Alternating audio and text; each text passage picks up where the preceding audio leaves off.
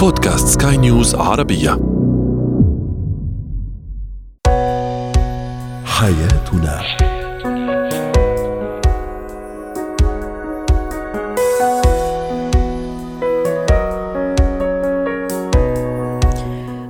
الكرام أهلا بكم معنا إلى حياتنا فضاؤكم اليومي الذي يعنى بشؤون الأسرة وباقي الشؤون الحياتية الأخرى. تستمعون اليه عبر منصة Sky News dot com slash podcast وباقي منصات سكاي نيوز عربيه الأخرى. شاركونا عبر رقم الواتساب 00971 561 88 6223 معي أنا أمال شاب. اليوم نتحدث عن الشريك الذي يبالغ في الاهتمام بنفسه لدرجة الابتعاد عن الواقعية والبساطة. أيضا. معلومات غريبة اليوم سنتحدث عنها تحديدا عن حديثي الولادة وأخيرا اتيكيت تحت ساء الشربة هو وهي.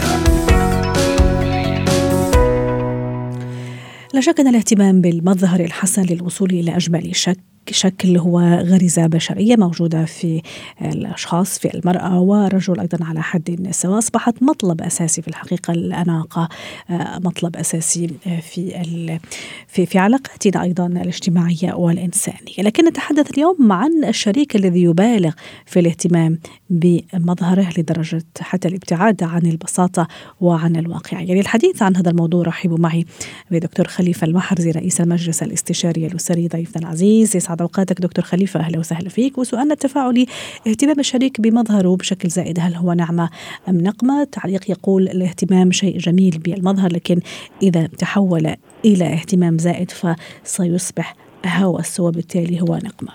منى تقول أنا أقلق كثيرا عندما يهتم زوجي بأناقته وبشكل مبالغ ولؤي يقول هو نعمة إذا كان متوازنا ونقمة إذا كان مبالغ فيه. دكتور أكيد أن الاهتمام بالمظهر كما ذكرنا شيء جميل ورائع لكن ما الذي يجعل البعض يتطرفون في الاهتمام بهذا المظهر لدرجة الابتعاد عن البساطة وحتى الواقعية؟ هو لا شك أن عقدة النقص الداخلية عند الرجل بالوصول إلى المثالية أو الكمالية الزائفة تدعوه للدخول في دائرة الانغلاق على ذاته والبحث عن الصورة المثالية التي لن يصل إليها لانها كالسراب.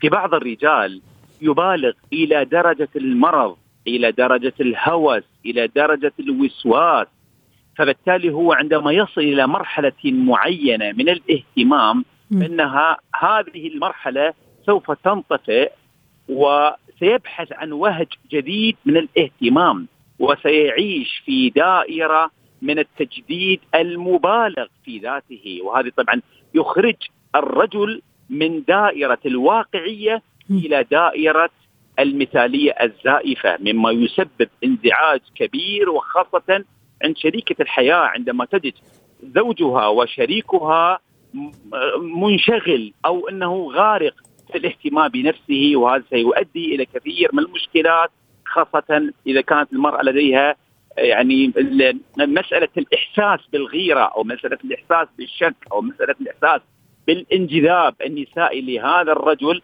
مما سيولد حالة من الاصطدام العاطفي لاحقا بينهما. وهل هذا كمان يعني يعني فينا نسقط أيضا على على المرأة عن الزوجة الاهتمام الزائد المبالغ فيه أكيد شيء جميل انه السيدة انه الزوجة تهتم بنفسها بحالها بشكلها مظهرها لكن أحيانا نشوف البعض يبتعدنا جدا عن الواقعية والبساطة لدرجة التصنع هل هذا أيضا من نفس الشيء ينطبق على الزوجة؟ وهذا أيضا ينطبق أيضا على المرأة التي تبالغ في إظهار زينتها في إظهار ماركاتها في تعمد نجد يعني بعض الرجال أو في حتى بعض النساء من تتعمد من تنشر صورها هذا شوزي هذا قلادتي هذا فستاني هذا هذا يعكس نوع من المرض السلوكي عند الإنسان هذا نوع من المرض النفسي أنه يحاول أن يبرز ما يملك أمام العامة ويحاول أن يوثق من خلال مواقع التواصل. وهذا طبعا دلالة أن هذا الإنسان لا يعيش حياة البساطة أو حياة الأناقة الطبيعية وإنما وصل إلى درجة الهوس ليس بنفسه وإنما حتى لابرازه أمام الآخرين، نجد الرجل يصور سيارته، يصور ساعته، يصور أقلامه ويملك يعني مجموعة كبيرة من هذه الأدوات التي لا تعطي سوى نظرة سلبية للاخرين من حوله إن هذا الإنسان ليس بالرجل السوي ليس بالرجل المنطقي وإنما وصل إلى حالة من الهوس بذاته أو بما يملك من أدوات تجميلية. جميل. دكتور خليفة إذا رجعنا مرة أخرى لعلاقة الزوج بزوجة أو الزوجه بزوج فيما يتعلق بهذا المبالغة في الاهتمام بالمظهر. في شوية عدم عدم ثقة بالنفس بمعنى أنه أنا آه، يعني أهتم بشكل مبالغ فيه وبشكل آه، يعني غير واقعي وبشكل حتى ممكن يعني يعني ما يتماشى مع أساسيات الحياة لا لشيء حتى أخلي نفسي دائما جميلة في عين زوجي وزوجي دائما يكون يعني آه، راضي بين قوسين على شكلي على مظهري والعكس صحيح. يعني في شوية عدم ثقة في حين أنه مفروض أنه لما أنا أحب شخص أو شخص يحبني المفروض أنه يتقبلني زي ما أنا يعني حتى ممكن حيان بعيوبي وبأشياء اللي ربنا سبحانه وتعالى ممكن خلقنا عليها ممكن إحنا مش راضيين لكن هي هي موجودة فينا وحلوة حتى إحنا مش راضيين عليها لكن هي حلوة تضل جميل. يعني أجبت بسؤال رائع وأجبت بإجابة مقتضبة. انهت السؤال نفسه أن الإنسان يجب أن يتقبل ذاته قبل أن يتقبله الشريك صح. عمليات التجميل والتغيير التي تحدث في منطقة الخليج تصل سنويا إلى أكثر من مليار دولار هي عبارة عن أشياء تجميلية، أشياء شكلية، أشياء تغي... متغيرات، م. عمليات تجرى خارج المنطقة العربية تصل إلى أضعاف مضاعفة من هذه المبالغ، من أجل ماذا؟ بحجة أن يتقبلني شريكي، لا يرى أجمل مني، لا يرى أحلى مني، سأبقى أنا الجميله في عينه، وهذه نظرة للأسف قاصرة، نظرة تدل على نقص الثقه الموجوده لدى الإنسان سواء الرجل أو المرأة، كما أن المرأة بدأت تغرق في عمليات التجميل أيضا بدأ ينافسها الرجل في هذه المسائل. كل هذه انظروا إلى عدد الدعايات المنتشرة وإلى مشاهير السوشيال ميديا الذين يسوقون لمثل هذه العمليات التجميلية، لماذا؟ لأن تعكس ووجدوا أن هنالك خلل في المجتمع وفي كثير من أفراد المجتمع الذين يتعطشون لمثل هذه العمليات الزائفة التي تعكس الجمال القصوري والجمال الشكلي الذي يصل إلى حل درجة الابتذال في عمليات التجميل من أجل الحصول على رضا وإعجاب أو نظرة الآخرين. أها بتعرف حضرتك يعني اخذتنا لنقطة كمان مهمة حتى نختم بها دكتور خليفة. كمان حين نشوف بعض يعني السيدات الزوجات ممكن حتى الأزواج إنه مثلا جاء يغير أو تغير من شكل معين من شيء معين نزولا عند طلب الشريك أو الزوج أو الزوجة. إنه مثلا بده يعني مثلا أشبه الفنانه الفلانية أو الممثلة الفلانية. فهون كمان تصير هذا المبالغة ويصير هذا البعد عن الواقع. واقعية وزي ما تفضلت كمان هي ميزانية يعني مش أي واحد ممكن يقدر عليها ممكن حتى الواحد يقصر في أشياء أخرى حتى يروح يعمل هذا عملية التجميل وهذا التعديلات ارضاء للطرف الآخر في حين إنه يعني البساطة هو عدم التكلف هو المطلوب بين الزوجين. دكتور حتى نختم معك. وهذه من المسائل التي ينبغي أن تتنبه لها الزوجة. أن تقوم بعمليات وتصرف ميزانيات يعني مالية كبيرة من أجل إرضاء الزوج؟ لا لا بارك الله فيه هذا الإرضاء إذا كان على حساب أني أنا أفقد ذاتي أفقد شكلي أفقد ملامحي أتغير وأصبح شبيهة لشخصية معينة معجب بها الرجل، هذه نظرة للأسف سيئة جدا، ينبغي المراه أن تكون واعية بتصرفاتها بقراراتها وكذلك الرجل أيضا أن يصل أن يقلد والله المشهور الفلاني أو أنه يصل إلى مرحلة من التقليد أو من الاستنساخ. هذه صورة للأسف جدا سيئة. ينبغي أن نتنبه لها نجد الآن كثير من أفراد المجتمع عبارة عن نسخ مستنسخة أشباه يتشابهون في الملامح في البراطم في الشفاه في العيون كأنها نسخ مكررة لأكثر من شخص ولا دلالة على فقدان النظرة الذاتية واحترام الذات والخروج إلى نظرة الإعجاب الوهمي أو النظرة القشورية لإرضاء الآخرين. شكرا لك دكتور خليفة المحرزي سعدتنا اليوم ضيفنا العزيز وأتمنى لك أوقات سعيدة. زينة الحياة. اليوم آه، سنسلط الضوء على بعض المعلومات الغريبة والحقائق الغريبة والجميلة في نفس الوقت عن الرضع وحديثي الولادة. رحبوا معي بدكتور أحمد عبد العال استشاري طب الأطفال. يسعد أوقاتك يا دكتور أحمد. أهلا وسهلا فيك. أيضا كأمهات نعتقد أننا ملمات بكل هذا العالم الجميل عالم حديثي الولادة. ممكن أنا كأم حديثة العهد بالأمومة أنتظر مولود بعد كم من شهر. أتصور أني عارفة أو ملمة مهمة بكل الأشياء. في حين لا بعدين أكتشف آه، بمرور الوقت بأشياء وحركات يعملها رضيعي وطفلي أني أنا والله ما أعرف إلا الشيء اليسير والشيء البسيط. مشان هيك حبينا اليوم نحكي معك كدكتور متخصص في طب الأطفال عن هالأشياء والحقائق اللي أنا لازم أكون أعرفها عن طفلي المنتظر. أهلا بك يا امال أهلا يا دكتور. الحقيقة طبعا في أسرار كتير للرضع وحديث الولادة والأمهات ما يعرفوهاش تعرفنا عليها اليوم؟ آه مش حديث مش الأمهات حديث العهد بالأمومة. إيه؟ حتى الأمهات اللي هم عندهم كذا طفل برضه ممكن ما يكونوش ملمين بيها. يلا معاك يا دكتور. سامعينك كلنا أذان صغير. طيب ممكن نبدأ مثلا بالكلام. إن أو أو حادثة السمع عند الجنين. الطفل سمعني ولا مش سمعني أه. الجنين بيسمع عند عمر 12 أسبوع وهو داخل الرحم. يا سبحان يعني الله. رغم من عمر أربع لست شهور تقريبا وهو داخل الرحم بيسمع. وده طبعا بدون تمييز يعني. م. بالتدريج بيبدأ يميز وأول ما يميزه هو صوت الأم. آه عند الولادة بيسمع آه آه بوضوح بس بدون تمييز لأن طبعا الأذن ما بتكونش اكتملت والمركز المخ المسؤول عن ترجمة الأصوات دي ما بيكونش معروف. بس فسماع الطفل بدري لأمه ده بننصح الأم دايما نتكلم مع الجنين وممكن تخليه مثلا تحكي له قصص تسمعه موسيقى قرآن وهو لسه يعني داخل الرحم يعني. آه عايز أقول لك كمان الأبحاث وجدت إن الأم لما تحكي مع الجنين أثناء الحمل ده بيساعد على تحفيز السمع بيساعده على إنه يتكلم بدري بعد كده بيخفف بيخفف التوتر عنه وبيزيد مناعته كمان فده من الحاجات ال ال الأسرار اللي المفروض يعني الأم تعرفها يعني وتبدأ فيها من بدري. جميل إنه يسمعني وهو في في في, في يعني في, في بطني بين قوسين إيه ف وما يقدر يميز طبعا الأصوات إيه ويعني حبذا إني أحكي معه زي ما تفضلت ممكن أحكي له قصة أتكلم معه يعني هذه من بين الأسرار اللي اليوم حضرتك أعطيتها لنا. في سر آخر كمان حاب تكشف عنه يا دكتور في هذا العالم الجميل عالم حديثي الولادة؟ تحب أقول ولا تحب تختاري؟ لا لا قول.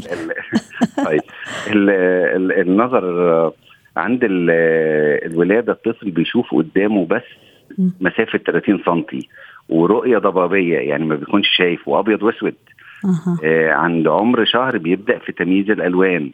آه وضوح الرؤية بتبدأ من عمر ست شهور بيوصل إنه يشوف زينا زي البالغين عند عمر سنة.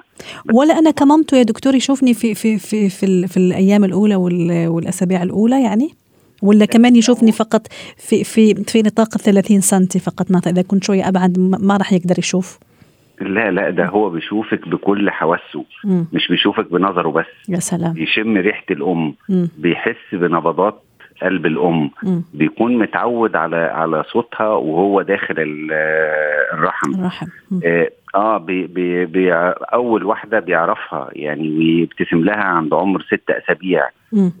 ويبدأ يعني يضحك ويلاقيها عند عمر ثلاث شهور. م. فالأم حالة فريدة مش لا نقيس عليها باقي يعني باقي البشر أو أو أو الباقي لأن في روابط صح. روحيه روحيه غير تماما. غير الروابط تماما. تمام.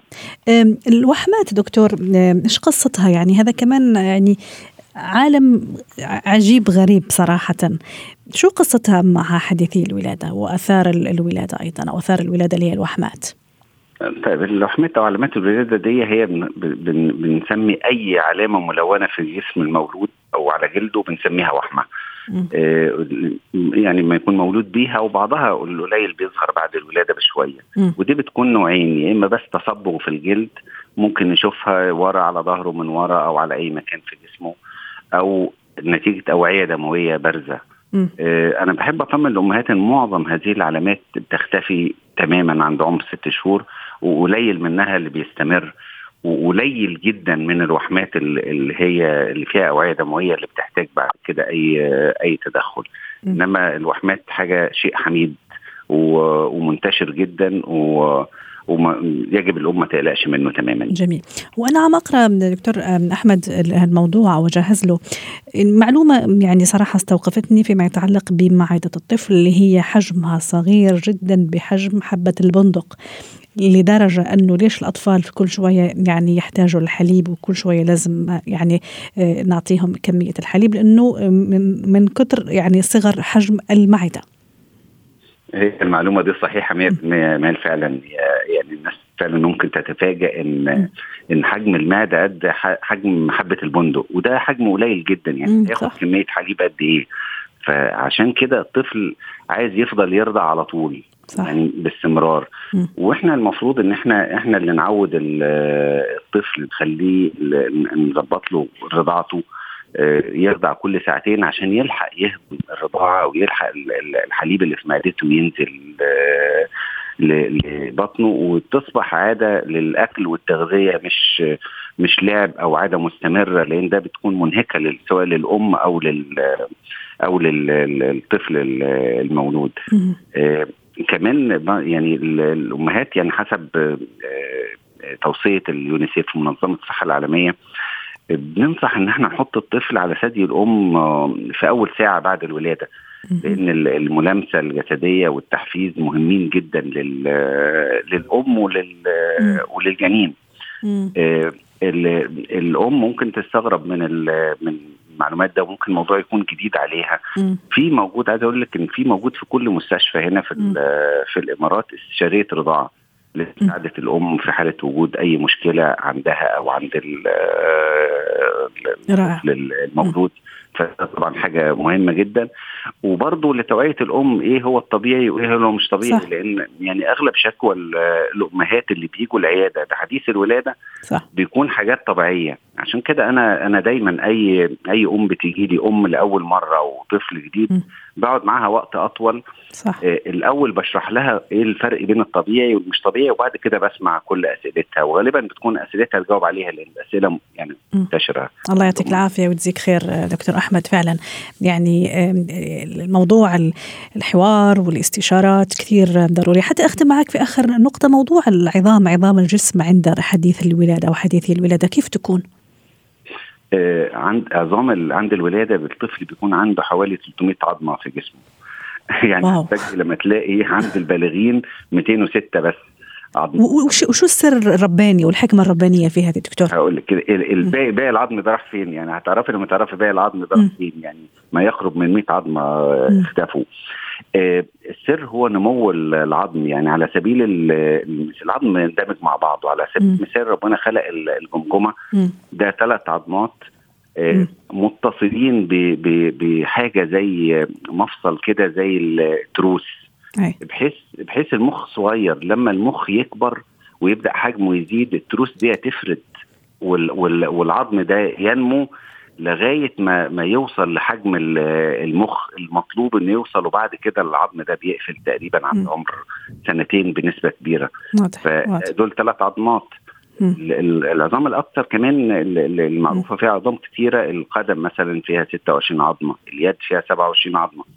في بعض العظم بيكون واضح. متصل ببعضه بغضاريف. لما الغضاريف دي بيحصل تكلس فيها واضح. مع الوقت وينمو العظم خلاص بتندمج مع بعض واضح. كون العظام. شكرا لك دكتور أحمد عبد العال سعدتنا اليوم بكل هذه المعلومات ويعطيك ألف عافية. اتكات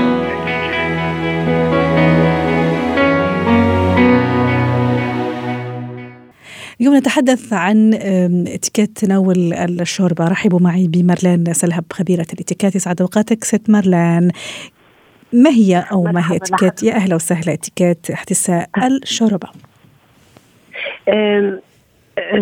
أول شيء أنا بحييكي وبحيي المستمعين ونحن بنعرف إنه بالشتاء بتكتر الشوربة أكثر بنلاقيها من الأكلات اللي أكثر شيء مطلوبة.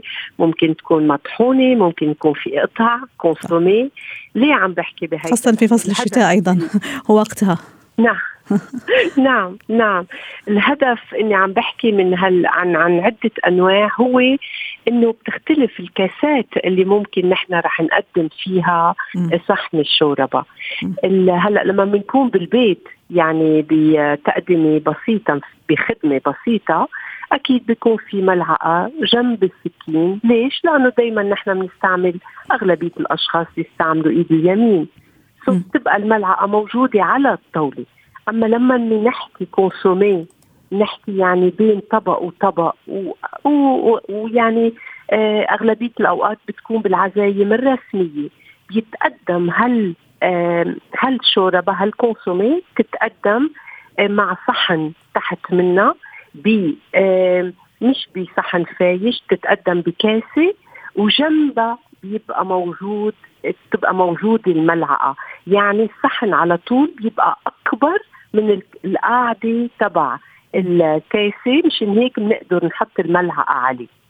بس اللي مفروض نعرفه هو إنه حتى بالبيت إحنا بنعرف إنه دائما تحت صحن الغنيق صحن الشوربة الافضل يكون في صحن آه آه بيقولوا فايش أكبر لأنه ما فينا نهدي صحن الشوربة بيبقى سخن.